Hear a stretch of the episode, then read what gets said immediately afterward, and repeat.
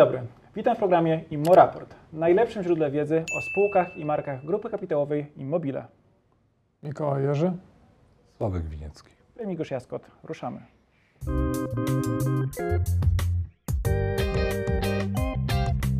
Nowości w marce modowej Acardo. Od 16 września produkty Acardo będą dostępne w sklepach stacjonarnych sieci Kiosk.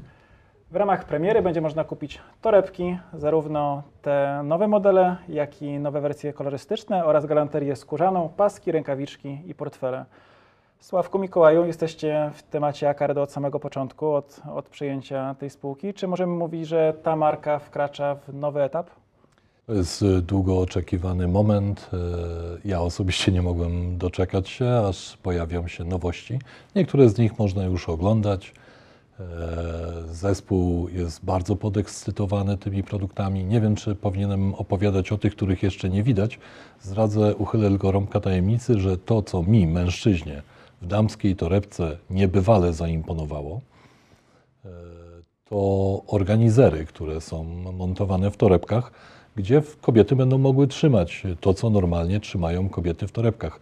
Postulowałem o to, żeby dla kluczy nasadowych, ewentualnie lub oczkowych, były oddzielne przegródki, ale jak widzę, moje postulaty niestety nie były wykorzystane. Acardo pracuje bardzo mocno nad, e, nad wizerunkiem marki. Do zespołu dołączyła osoba, e, osoba która mm, no myślę, że już po tych kilku materiałach możemy ocenić, że mocno pozytywnie wpływa na wizerunek. Mówię o Dominice Kurdziel, którą pozdrawiamy. E, Także rodzina Acardo, zespół Acardo e, myślę, że zaskoczy nas zarówno samymi produktami, jak i zaskoczy nas oczywiście przychodami i wynikami. Remigiusz, jeszcze pominąłeś buty, bo oczywiście buty y, też będą. Ja polecam śledzić i stronę internetową Acardo, a przede wszystkim media społecznościowe. Wczoraj widziałem prezentację nowej torebki. Zrobiła na mnie duże wrażenie. Jest to produkt polski. Widać dużą solidność, duże, e, duże zwrócenie uwagi na, na szczegóły. Mnie najbardziej e, z tego, z tego projektu, który wczoraj się widziałem, wygląda rączka. Jest solidna. Myślę, że, e, myślę, że będzie służyć ta torebka długo. Jakaś trauma z urwanej rączki, czy kiedyś, czy... Nie, nie, po prostu zwróciłem Rączka. uwagę na tą solidność, na tą, na, widać na tym, na tym materiale krótkim jakość, także polecam. Y, Myślę, że myślę, że poprosimy e, osoby, które realizują ten odcinek o wrzucenie kilku linków. Również do Instagramów polecamy. W Acardo pracują bardzo ciekawe osobowości, które mają również i prywatnie bardzo ciekawe przemyślenia. Polecam e, Instagrama Kai Kubarskiej. E, Jestem wielkim fanem. Obejrzałem wszystkie materiały, do czego e, wszystkich zachęcam. Też taką strzałkę na rączkę będziesz musiał dać, żeby było wiadomo, o której mówiłem. Z Instagrama Acardo oraz Instagrama Kai Kobarskiej dowiedzą się Państwo nie tylko jak te produkty wyglądają, ale też jak powstają. Powstają rzemieślniczo w zakładzie w Wadowicach, więc tam na tych mediach społecznościowych jest dużo ciekawych treści. Ale w zasadzie to powinna leżeć tutaj teraz. M, Ale jak widzowie jest zobaczą, do spokojnie. No dobra. Okej, okej, ale jesteś niecierpliwy, nie możesz wytrzymać Chciałem do dotknąć, 15 chciałem września. dotknąć tej rączki, a jeszcze sam nie zatykałem. Porozmawiamy może później o rączce.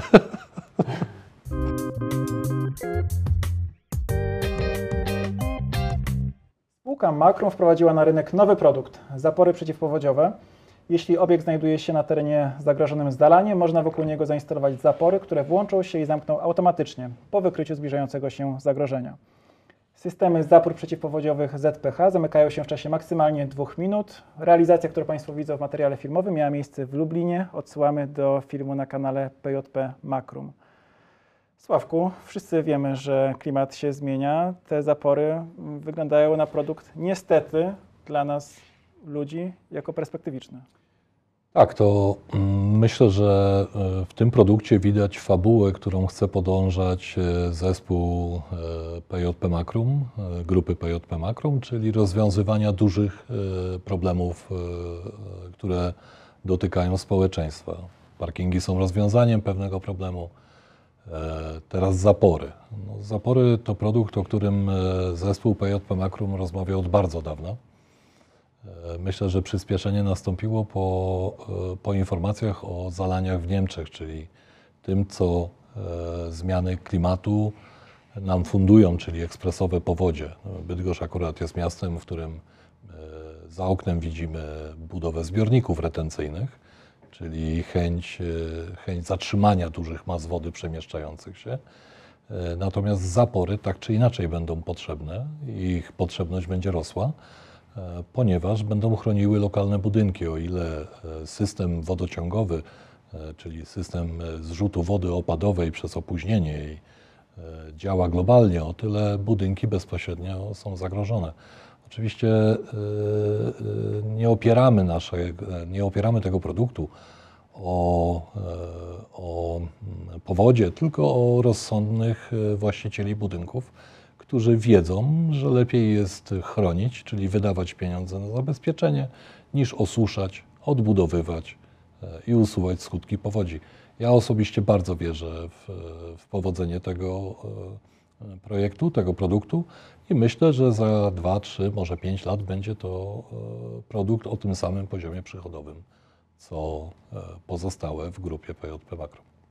Czy jest to kolejny, kolejny produkt, myślę, że po, e, po, po systemach przeładunkowych, a później po parkingach, który właśnie w Polsce najpierw rozwijamy, a z czasem pewnie będzie zdobywał całą, całą Europę. Tutaj, jeżeli chodzi o część produkcyjną PJP Makrum, to koncentrujemy się na stali przesuwanej siłownikiem. Jest to niewątpliwie taki produkt i pod tego typu produkty budujemy kanały sprzedaży w całej Europie. Tutaj dodałbym również, że żeby uzupełnić te kanały sprzedaży, wprowadzamy również produkty, których nie jesteśmy producentem, a dystrybutorem. Jest to głównie spółka Promlift, która oprócz tego, że wykorzystujemy zbudowane kanały do dostarczania e, systemów przeładunkowych w całej Europie, także uzupełniamy ofertę o wszystkie towarzyszące produkty do, e, do, do, do magazynów. Także tutaj z tego dużego obrazu cały czas PJP Makrum pracuje nad tym, żeby z jednej strony rozwijać kanały sprzedaży w całej Europie, a z drugiej strony do tych kanałów sprzedaży dodawać jak najwięcej produktów, żeby po prostu skuteczność sprzedaży w tych kanałach była jak największa. Także jest to kolejny element do strategii, kolejny puzzle.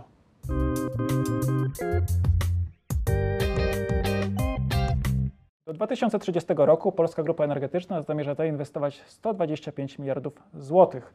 Planach jest m.in. budowa farm wiatrowych na morzu, farm słonecznych, elektrowni jądrowej i bloków gazowych. PGE chce odejść od e, węgla już do 2030 roku, a także od spalania gazu. Tutaj datą jest rok 2040. Mikołaju? Myślę, że ten e, plan będzie teraz łatwiejszy do wdrożenia ze względu na, e, na NABE. Tutaj istotne jest to, że mm, to ma dotyczyć również inwestycji w sieci, które mają wtedy umożliwić większy czynnik prywatny w tych inwestycjach.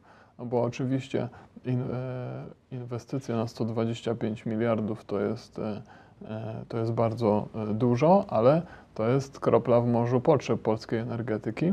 I ja największą akurat szansę upatruję w tym, że po poprawie jakości sieci będzie możliwość włączenia e, prywatnej e, konkurencji do samego wytwarzania, do tworzenia nowych źródeł e, energii i myślę, że to jest e, Polsce bardzo potrzebne.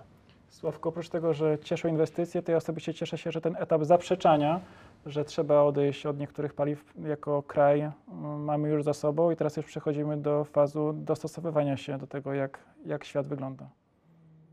Rozumiem e, e, prowokacyjność tego pytania, natomiast e, kierujemy się biznesem. Każda zmiana, każda modernizacja, która niesie za sobą nakłady inwestycyjne, jest stymulatorem wzrostu gospodarki.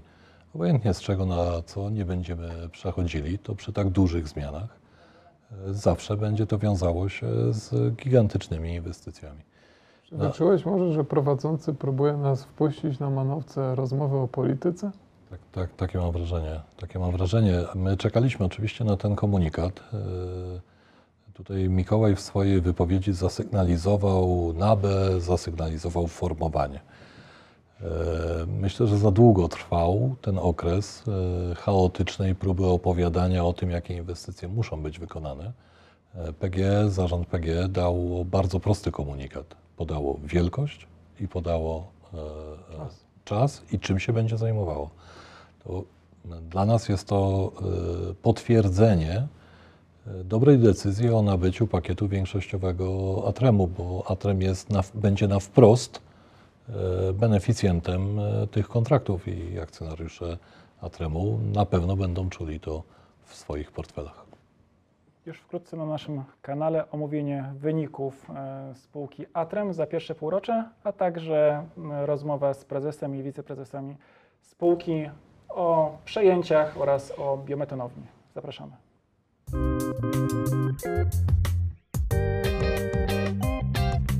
Sektorowi budowlanemu grozi zapaść i upadek firm, pyta bankier.pl, relacjonując debatę Polskiego Związku Pracodawców Budownictwa.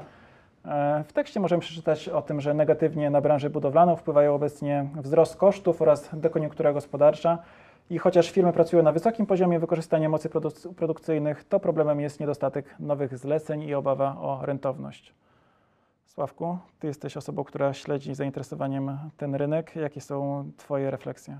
Ja też śledzę. E, Sławek ma doświadczenie zawodowe na tym polu, więc... Starszy jestem, starszy jestem, więc śledzę go dłużej, wiesz. E, To oczywiście jest e, moja pasja, śledzenie, śledzenie tego rynku. E, Może zacznę od, e, od innej kwestii, która nie do końca jest odpowiedzią na pytanie, ale powinna pokazać akcjonariuszom GKI, jak i innych spółek e, z grupy GKI, jak skonstruowaliśmy GKI w związku z informacjami o takich zachwianiach.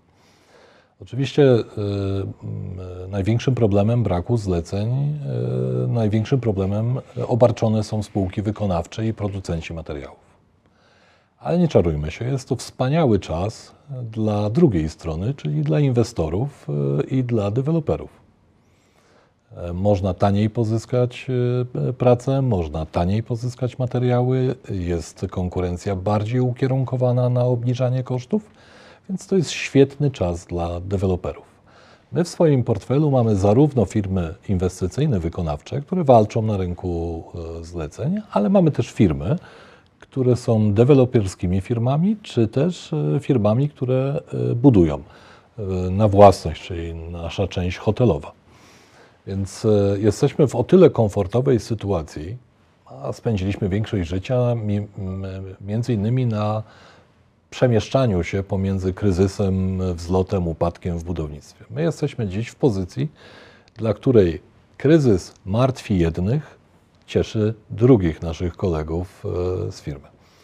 Ja myślę, że czego jeszcze nie widzę w debacie publicznej, największym zagrożeniem, odpowiadając już na Twoje pytanie, e, największym zagrożeniem mimo wszystko e, są najbliższe, zbliżające się wybory.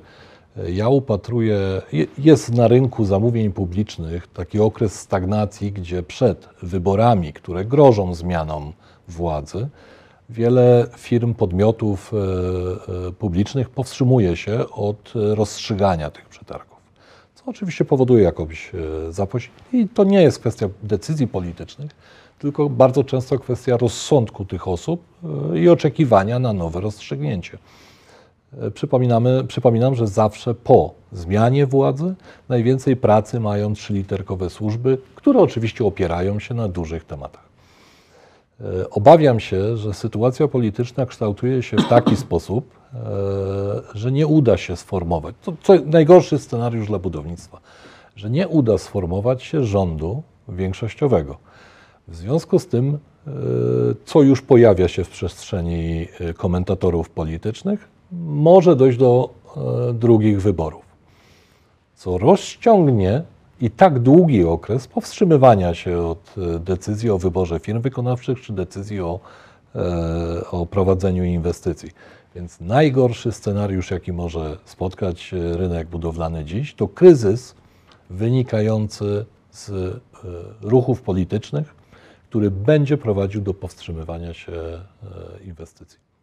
No do tego, co, co Sławek powiedział, doskonale, doskonale pasuje artykuł e, Ignacego Morawskiego, który wczoraj czytałem w Pulsie Biznesu, który za tezę stawia to, że od bada okres od 16 roku i od 2016 roku jesteśmy gospodarką w Europie Środkowo-Wschodniej, która zdecydowanie najszybciej się rozwija, która przyciągnęła zdecydowanie najwięcej bezpośrednich inwestycji zagranicznych, a mimo to prywatni przedsiębiorcy e, mało inwestują i mamy dzietność też bardzo słabą, więc pokazuje to na jednej szali, że jesteśmy zwycięzcą, jeżeli chodzi o gospodarkę, ale z drugiej strony cały czas się obawiamy, że ten kryzys się czai za rogiem. Także, także takie jest nastawienie też e, polskich inwestorów.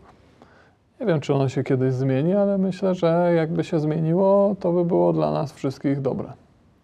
E, Ale powiedz, e, ja nie czytałem tego artykułu. e, Była sugestia, była sugestia w tym artykule, że polaryzacja polityczna i może prowadzić do zmniejszania, do napięcia, do myślenia o kryzysie.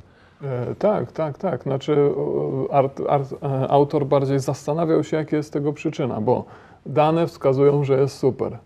E, Zagranica się do nas pcha, bo przewaga w inwestycjach bezpośrednich zagranicznych nad wszystkimi innymi krajami jest taka, że oni są na poziomie błędu statystycznego, a my tam nad nimi królujemy. Czyli zagranica mocno inwestuje w Polsce, a jednocześnie prywatni polscy przedsiębiorcy inwestują bardzo mało, mniej niż w tamtych krajach.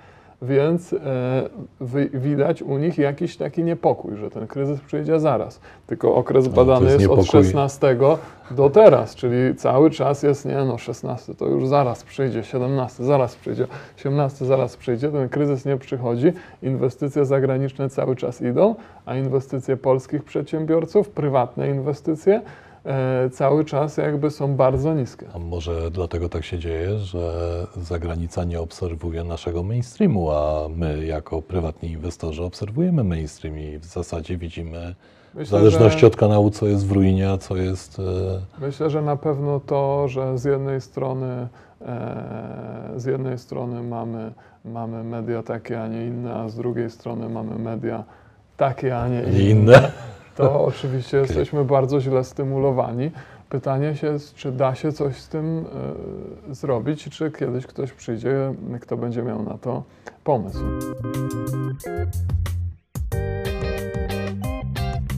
Pytania i odpowiedzi. W tym tygodniu postanowiliśmy wyprzedzić fakty i odpowiedzieć na pytanie, które co prawda nie padło, ale mogło paść, bo sprawa jest świeża. Zgodnie z komunikatem prezes Rafał Jerzy, większościowy akcjonariusz grupy kapitałowej Immobile, aktem darowizny przeniósł swoje akcje do Fundacji Rodzinnej Jerzych. Mikołaj, gdybyś mógł e, wytłumaczyć, na czym polega ten zabieg? Z informacji, które ja uzyskałem, celem jest pozostawienie akcji w rodzinie na kolejne pokolenia, co wesprze długoterminowy rozwój grupy kapitałowej e, Immobile. Prezes jest e, fundatorem tej fundacji i jedynym członkiem zarządu, więc dalej wszystko pozostaje w jego gestii. Tak, ale jeżeli chodzi o, e, o, o sukcesję, to jest ona dużo bardziej ułatwiona dzięki, e, dzięki tej e, fundacji. E, I myślę, że jeżeli chodzi o tą ustawę, która została wprowadzona w tym roku, jest to uważam bardzo dobra e, ustawa, jeżeli chodzi o długoterminowy rozwój polskich firm. Ja mogę odpowiedzieć jako mały akcjonariusz. Pytanie co prawda było do Mikołaja. E, Ja jako mały akcjonariusz to zdarzenie po- poczytuję jako bezpieczne dla małych akcjonariuszy, bo jasno Rafał określił, e, jakie ma plany co do akcji. E, Więc ja osobiście poczułem się lepiej. Znaczy nie lepiej, tam źle się nie czułem, ale poczułem się bezpieczniej. Ja też się czuję dobrze, a teraz troszkę lepiej. Dziękujemy za dziś. Zapraszamy na nasze social media, wszystkie Facebooki, Instagramy, LinkedIny. E, Tam też jesteśmy, wrzucamy nowe treści, więc bądźcie z nami, oglądajcie, ale też pytajcie, bo jesteśmy otwarci na Wasze pytania. Zawsze staramy się merytorycznie odpowiedzieć. Dziękujemy za dziś. Do zobaczenia. Do zobaczenia. Do widzenia.